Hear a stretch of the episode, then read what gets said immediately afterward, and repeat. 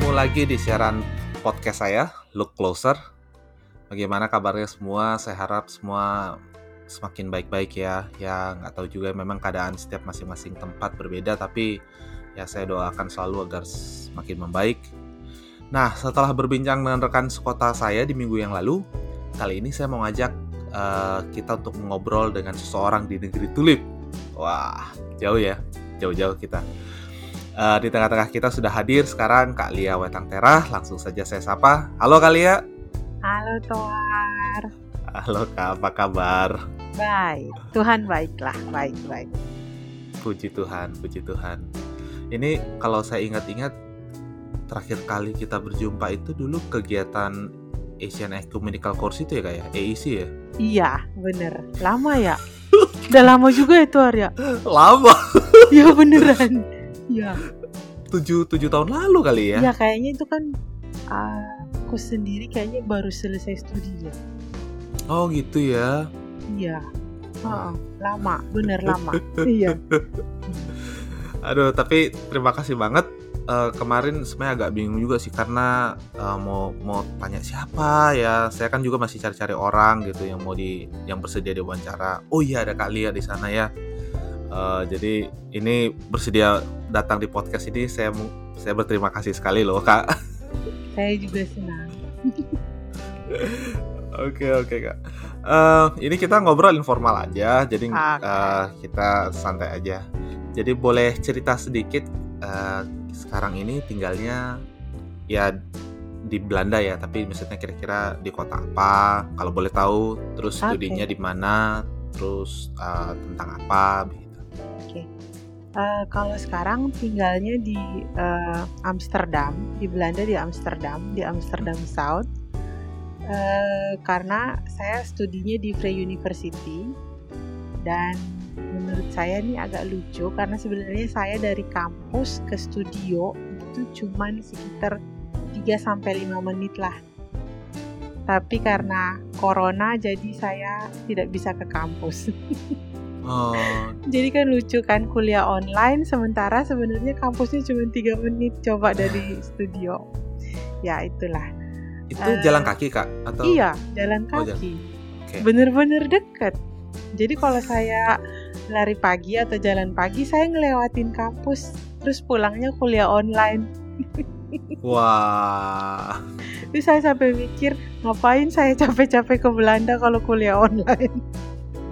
Iya, nggak nggak kepikiran sih kayaknya nggak iya. tahu ya uh, terus studinya di Free University di Fakultas Teologi dan Religion uh, saya ngambilnya tentang uh, teologi penderitaan dari hmm. perspektif perspektif life religion dan dampaknya bagi Christian education. Sebenarnya ini semacam akumulasi ya dari sejak hmm. pulang S2 di Jakarta ini pasti ya. teman-teman heran nih kan saya kan kuliahnya hukum gereja kan di STT. Terus kenapa jadinya lari ke penderitaan? Tapi sebenarnya eh, ajaran Pak Lasarus Purwanto itu cukup cukup tertanam dalam kehidupan saya. Jadi apa itu kak? Yang saya yang saya belajar dari hukum gereja itu kan eklesiologinya.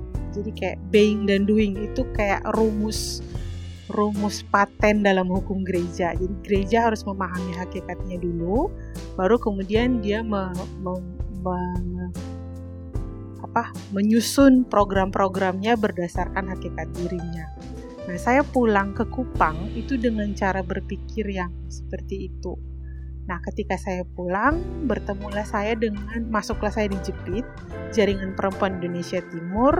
Mm -hmm uh, saya masuk ketika teman-teman Jepit uh, selesai penelitian 65 tragedi 65 mm-hmm. yang terjadi di Nusa Tenggara Timur dan posisi gereja pada masa itu. Nah, penelitian itu mendengarkan suara korban 65 dari perspektif oh. perempuan terutama.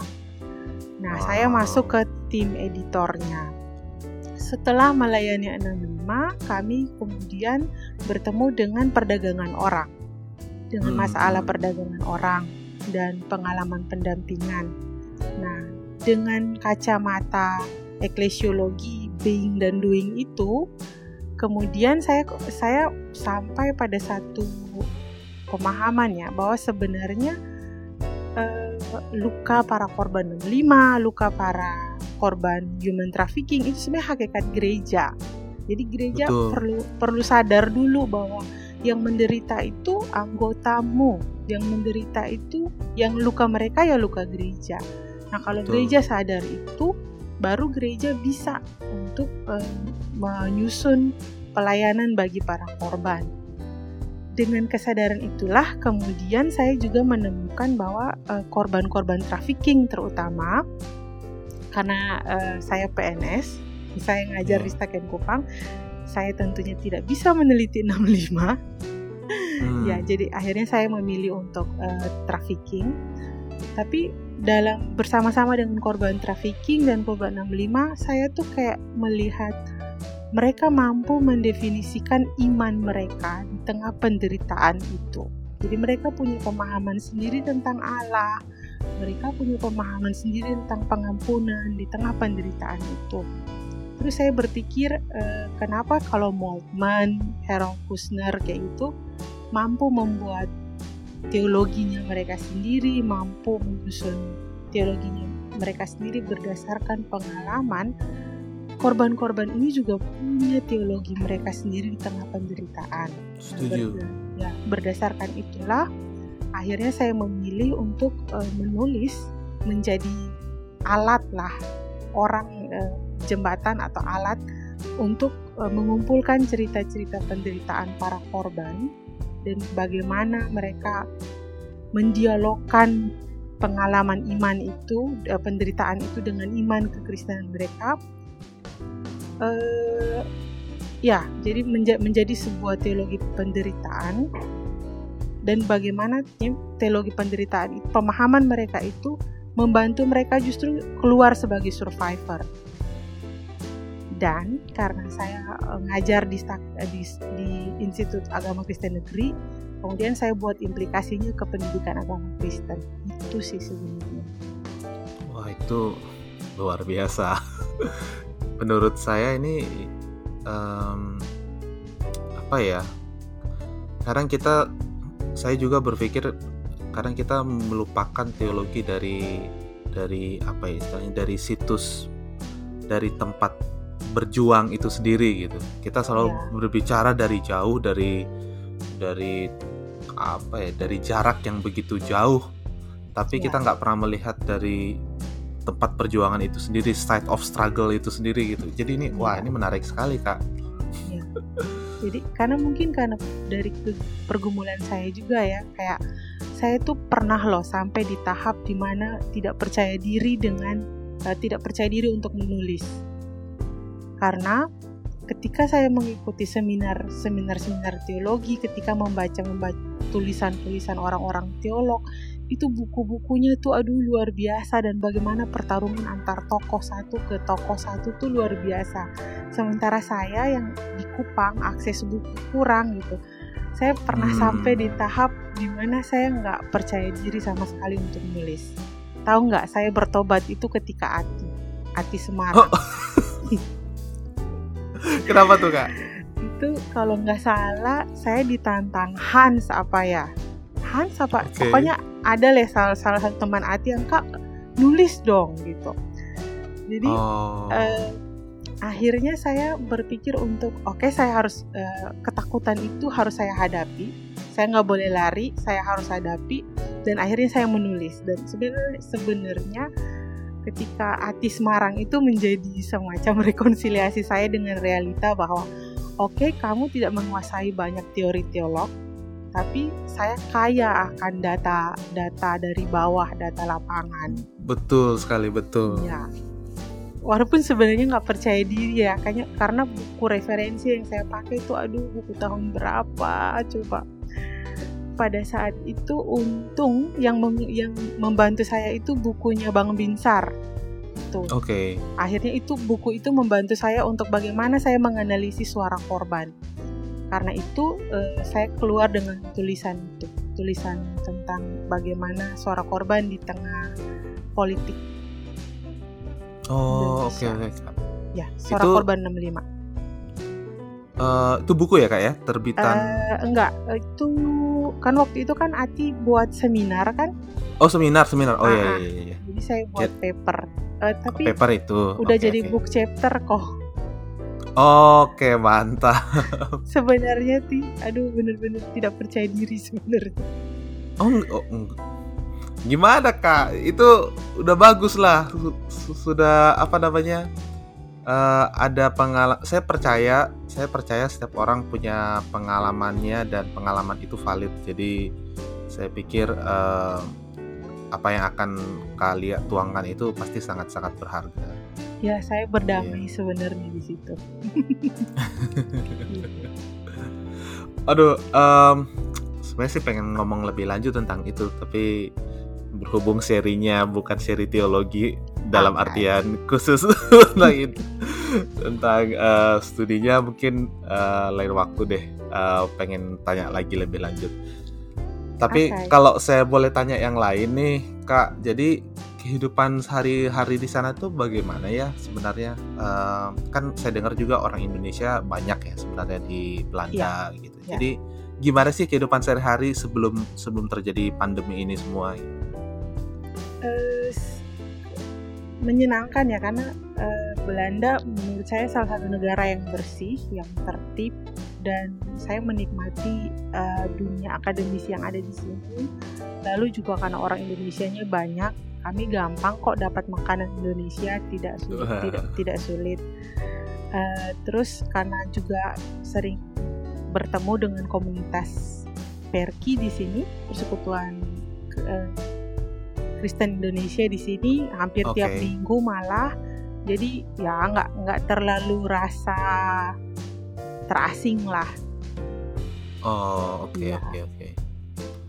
Em, itu ya. Kalau boleh tahu di misalnya di sekitar tempat tinggalnya Kak Alia sendiri ada berapa banyak orang Indonesia?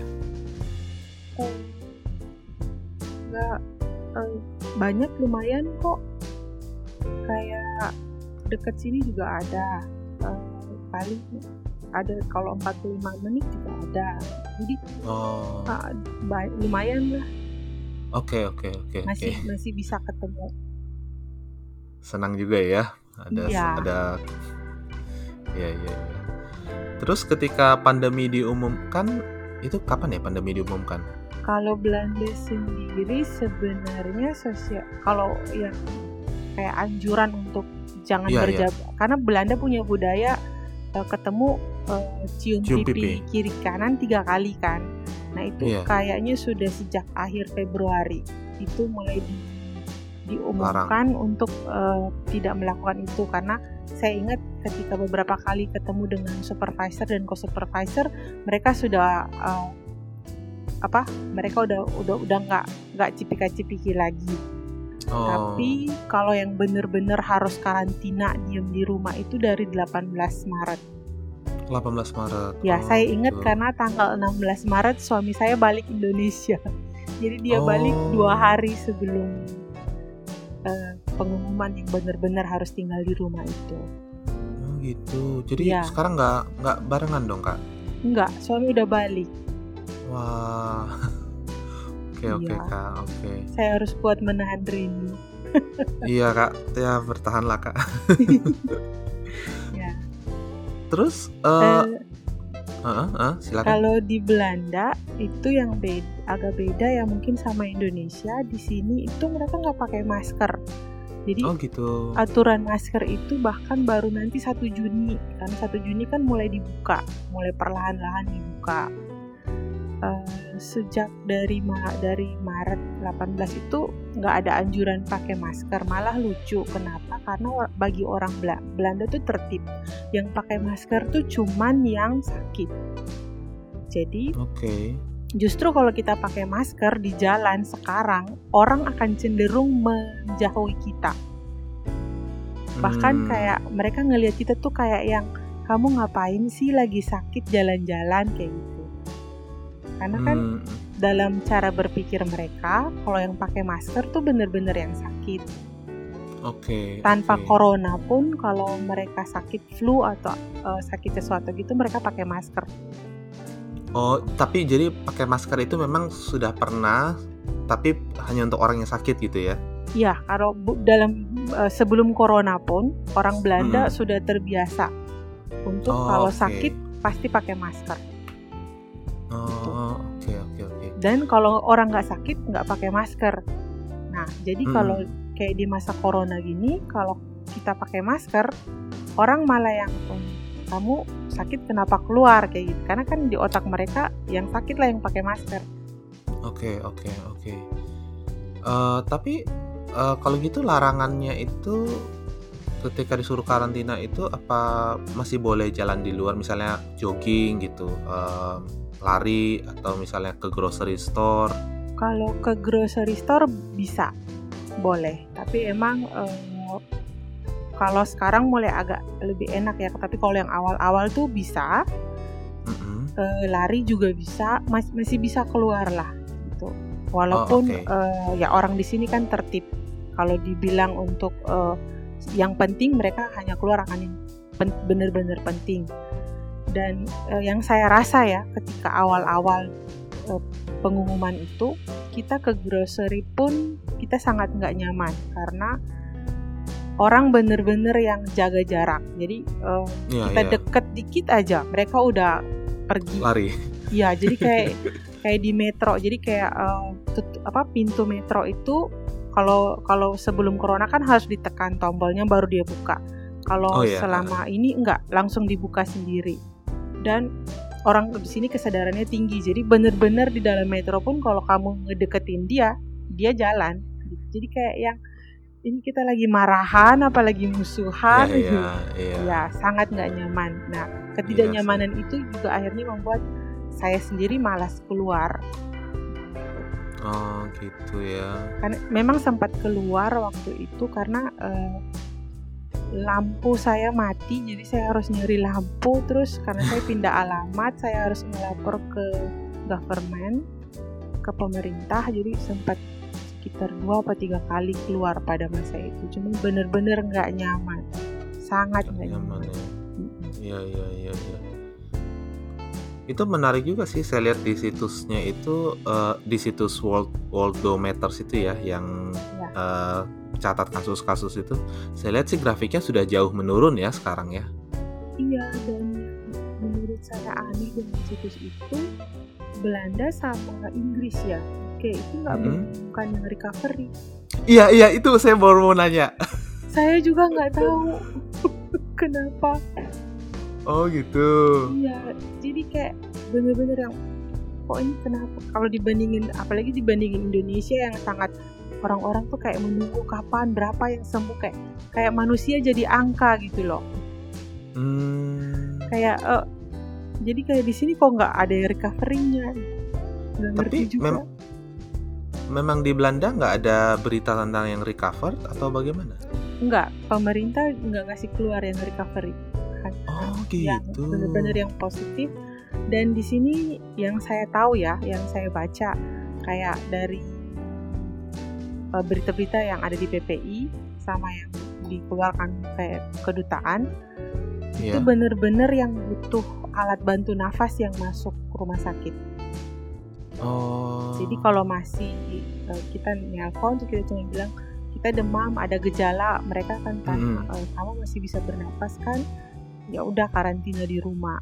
Bener-bener Iya, yang ke iya. rumah sakit itu yang butuh yang alat parah ya. bantu. iya. Karena di sini kan juga bagus, cukup bagus sistem apa asuransi kesehatannya. Setiap orang punya dokter pribadi kan. Jadi kalau karantina pun bisa langsung telepon dokter pribadi untuk konsultasi. Hmm, Jadi gitu ya. bener-bener yang ke rumah sakit itu yang harus pakai alat bantu. Hmm, hmm, hmm. Wow. Em, jadi tadi udah sempat ngomong ya dari lingkungan perkuliahan jadi online gitu. Iya. Eh, em, udah berapa lama jadinya kak online ini? Dari Maret. Sejak Oh, dari, dari- Maret awal ya. Itu mulai online. Awal Maret. Sampai kapan kak ininya termnya di sana ya? Eh, kalau di sit kalau di situs kampus katanya Juni buka, tapi kita nggak tahu nih bukanya sistem apa. Saya belum lihat lagi. ceritanya. Apakah langsung kuliah bersamaan gitu atau kantornya aja yang buka perkuliahannya online? Saya nggak tahu. Tapi kalau di situs Oh, kampus katanya Juni buka Oh gitu. Iya. Oke, Karena iya sih grafiknya udah jauh menurun ya. iya Tapi di sana itu ada wisuda juga nggak sih kak? Kalau di- kemarin aku ngobrol sama Kak Ike kan di Jerman, katanya di sana nggak ada model wisuda. Kalau di Belanda gimana? Eh, kayaknya sama deh kayak Ike jadi kita nggak punya Oh, sama ya? wisuda ha, oh. di promosi udah selesai Oh gitu ya. iya Iya iya. Iya soalnya kayak di sini juga ya bebe- ya kayaknya sih sebagian besar ya itu nggak ada wisuda. iya Ada yang ditunda, ada yang online ya sedih banget sih sebenarnya. iya Tapi oh iya iya iya. Em, ap- tadi saya mau nanya apa ya? Oh ya. Jadi kalau sudah berubah begini ada desas-desus mau buka kembali lagi nggak ininya Kak em, seluruh negara Belanda? Eh, kalau itu saya nggak ikutin ya pengumuman terakhir dari perdana Hmm. menteri itu saya lupa. Tapi eh, sekarang udah mulai buka kayak toko-toko udah mulai buka toko sepatu, toko ya kalau dulu yang awal-awal kan hanya bener-bener toko makanan dan grocery. Oke. Tapi sekarang udah mulai toko baju, toko sepatu, toko-toko yang lain udah mulai buka. Kantor-kantor juga udah mulai buka, anak sekolah juga mulai buka. Tapi memang dengan Hmm. mekanisme yang ketat. Hmm, hmm, hmm, Ya, ini hmm. orang-orang juga mulai karena cuaca sekarang. Jadi di sini tuh lucu, selama masa karantina malah isolasi malah cuacanya bagus. ya, jadi Iya ya. ya aduh matahari kan sangat berharga di sini jadi selama masa karantina terus ngelihat matahari tuh yang kayak ampun kenapa nih matahari bagus tapi orang-orang udah udah lumayan banyak keluar di taman kalau apalagi kalau matahari bagus tuh semua keluar ke taman Oh gitu. Nggak nggak takut tuh kak? Nggak nggak takut ada peningkatan kembali?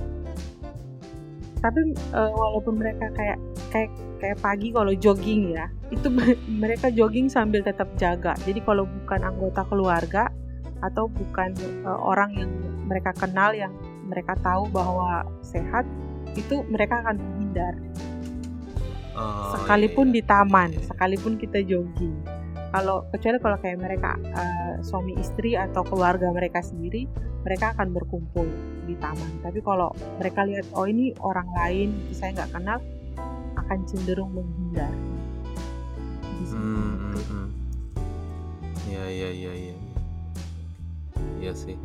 pernah Kak, sekali ya sekali Hah? itu eh, itu kalau nggak salah beberapa minggu setelah pengumuman untuk benar-benar karantina itu matahari bagus jadi bener- banyak banyak orang yang keluar anak muda juga karena anak muda mungkin merasa bahwa mereka nggak terlalu eh, riskan ya jadi pantai-pantai itu penuh dengan anak muda taman-taman itu penuh Hmm. dengan anak muda sampai pemerintah tuh ngirim warning ke handphone Oh. ngirim oke, pesan oke, oke. warning ke handphone untuk diem di rumah karena pada hari itu eh, jumlah peningkatan yang positif naik cukup tajam Oh gitu. besoknya oke, oke. handphone kita langsung di jadi di warning Hmm. untuk diem di rumah Ya udah se- sejak itu ya sudah semua pada diem Hmm, hmm, hmm, hmm. Eh, kalau saya ya. sih ya sama sama orang di sini karena eh, apa ya? Saya juga heran gitu ba- baru pertama bertemu dengan situasi di sini. Karena eh, ketika selama pandemi itu kan eh, ada jadwal-jadwal di mana pemerintah mengumumkan kebijakan apa yang akan pemerintah ambil. Di sini itu benar-benar orang kalau udah diumumkan tanggal sekian jam sekian pemerintah akan mengumumkan eh, kebijakan yang akan diambil itu benar-benar semua duduk manis di depan TV untuk nonton bahkan kayak eh, teman-teman. PPI atau komunitas Indonesia mereka membantu menerjemahkan itu dari bahasa Belanda ke bahasa Indonesia. Jadi kayak semua itu kayak satu satu apa satu perintah satu komando gitu. Oke okay, oke. Okay. Itu yang saya kagum. Jadi uh, mereka tuh benar-benar duduk di depan TV dan dan yang di, yang diminta yang dibicarakan itu diikuti benar-benar tertib. Iya iya iya. Ya, ya. Bukan kayak orang kayak misalnya ya kalau bukan yeah. mau membandingkan baik buruk ya nggak kayak Indonesia yang ketika diperintahkan dibilang gini sama presiden terus yang lain pada buat lain kan. Sini tuh enggak.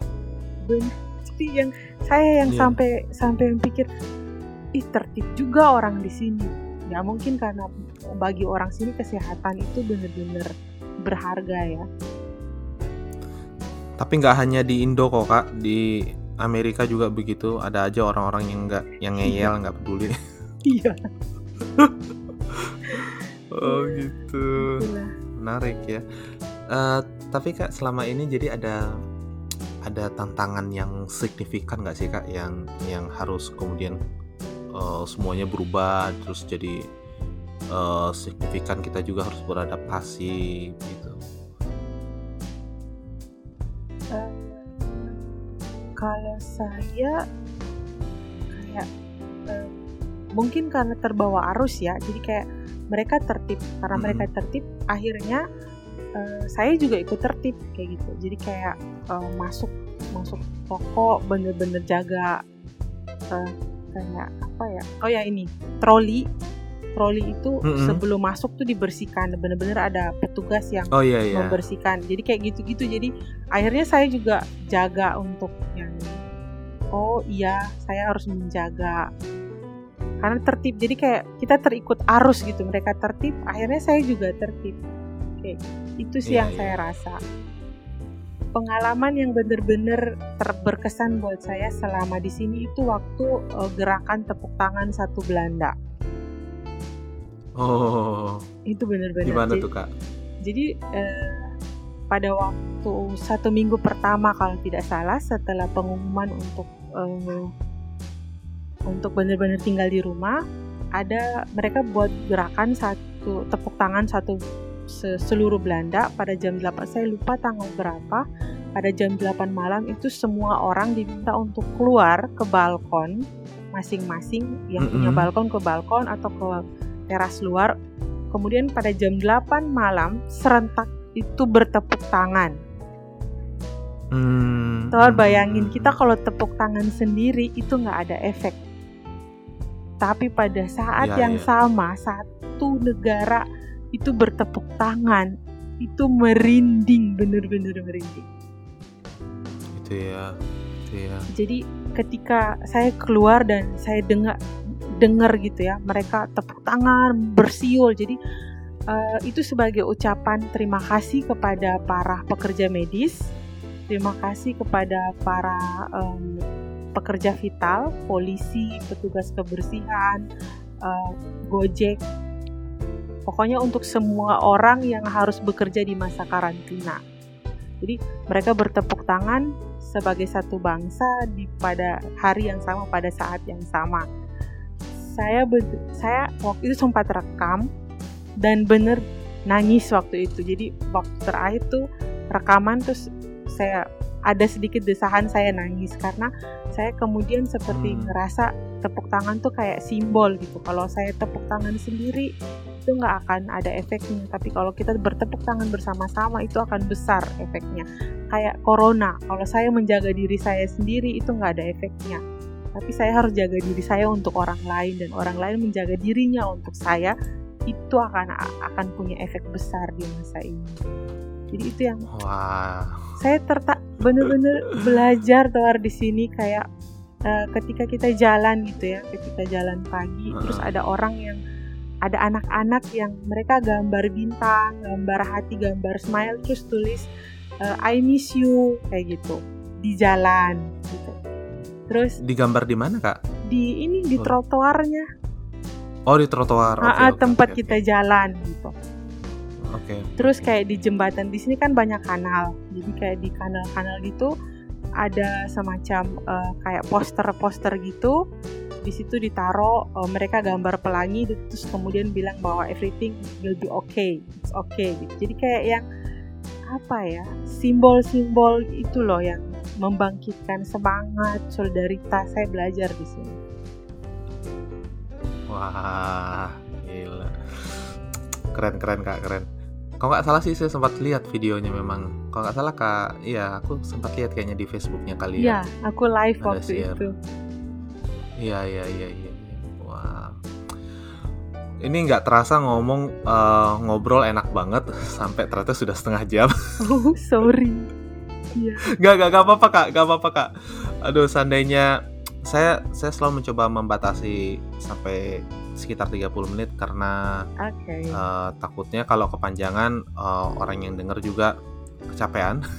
Yeah. Tapi uh, sebenarnya saya yakin sih sebenarnya episode ini pasti semua orang sangat menikmati karena saya sendiri sangat menikmati mendengarkan semua cerita kalian iya. mulai dari teologi tadi sampai um, cerita pengalaman di Belanda.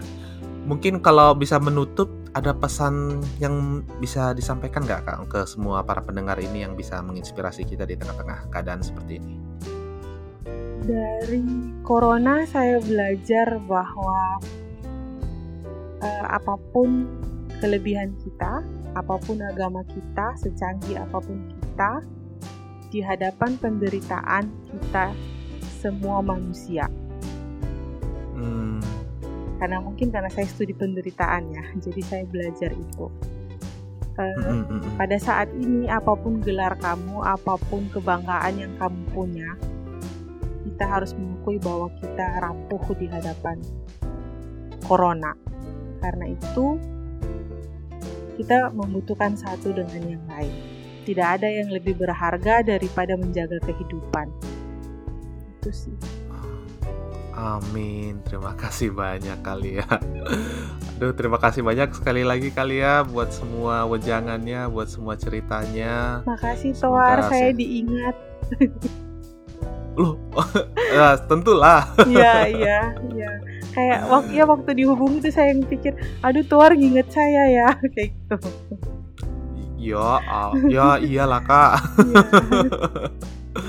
ya aduh sayang thank you banget sudah bersedia okay. uh, semoga sehat-sehat selalu di sana jaga kesehatan dan salam juga buat uh, teman-teman saudara-saudari di sana iya salam juga buat keluarga okay. di sana iya iya kak terima kasih Oke, buat semua para pendengar, uh, inilah tadi perbincangan dengan Kak Lia Wetang Tera di Belanda dan kiranya teman-teman juga senantiasa sehat, uh, saling menjaga diri dan juga saling mengingat satu terhadap yang lain. Kita akan jumpa lagi di podcast berikutnya minggu depan dan untuk deskripsi tentang musik di podcast kali ini saya seperti biasa dilihat di deskripsi podcast yang akan saya cantumkan nanti. Oke, okay, see you semuanya. Bye bye.